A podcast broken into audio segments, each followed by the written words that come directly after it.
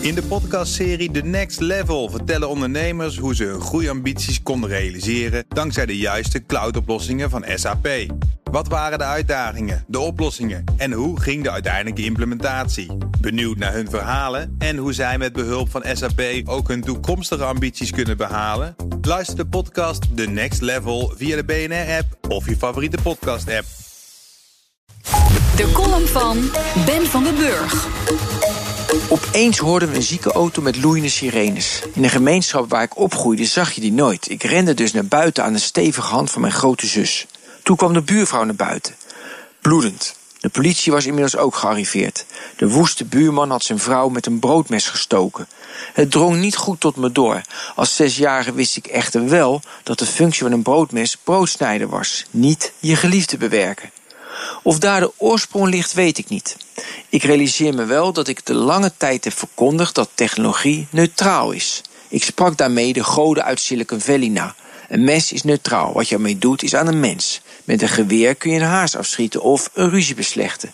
Hetzelfde kun je zeggen over Facebook. Facebook verbindt mensen. Dat slecht trekken vervolgens filterbubbels en nepnieuws creëren, waardoor polarisatie ontstaat, kun je niet op het konto van Facebook schrijven. Dat dacht ik lang. Nu niet meer. Ik ben van mening veranderd. Technologie is niet neutraal. Bojan Slat, de man die het plastic uit zee gaat halen, maakt een heldere vergelijking. Je kan mij niet wijsmaken, zei hij, dat een atoombom moreel gezien even neutraal is als een machine om plastic uit de oceaan te halen. De nuance ligt bij technologieën waarbij we niet de consequenties kunnen overzien.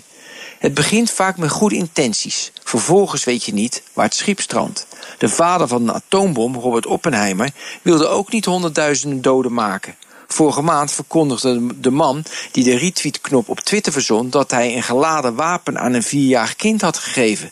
Dat had hij vooraf niet bedacht en niet gewild. Op voorhand onschuldige ontwikkelingen resulteren in niet in de hand te houden gedrochten. In dat verband is de betrokkenheid van het Google-personeel interessant. De afgelopen jaren maakten ze regelmatig luidruchtig duidelijk dat ze niet wilden werken aan anti-humane projecten. Denk aan defensiemateriaal of grenscontroles. Het resultaat kwam afgelopen week naar buiten. Vredesorganisatie Pax kwam met een rapport waarin ze de betrokkenheid van 50 techbedrijven bij de ontwikkeling van dodelijke autonome wapens onderzocht. Amazon en Microsoft scoorden zeer zorgwekkend. Zeven bedrijven, waaronder Google, waren niet betrokken bij de ontwikkeling van drones, onbemande voertuigen of schepen die zelfstandig kunnen besluiten om mensen te doden. Nu techniek niet neutraal blijkt te zijn, dienen wij als mens des te duidelijker de positieve kant van technologische ontwikkelingen te kiezen. Opdat de autonome verwoestende gedrochten niet de overhand krijgen.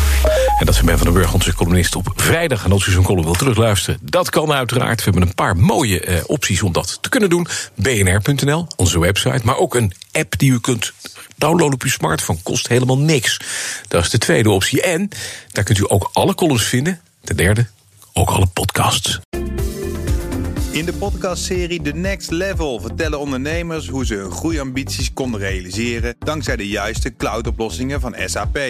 Wat waren de uitdagingen, de oplossingen en hoe ging de uiteindelijke implementatie? Benieuwd naar hun verhalen en hoe zij met behulp van SAP ook hun toekomstige ambities kunnen behalen? Luister de podcast The Next Level via de BNR-app of je favoriete podcast-app.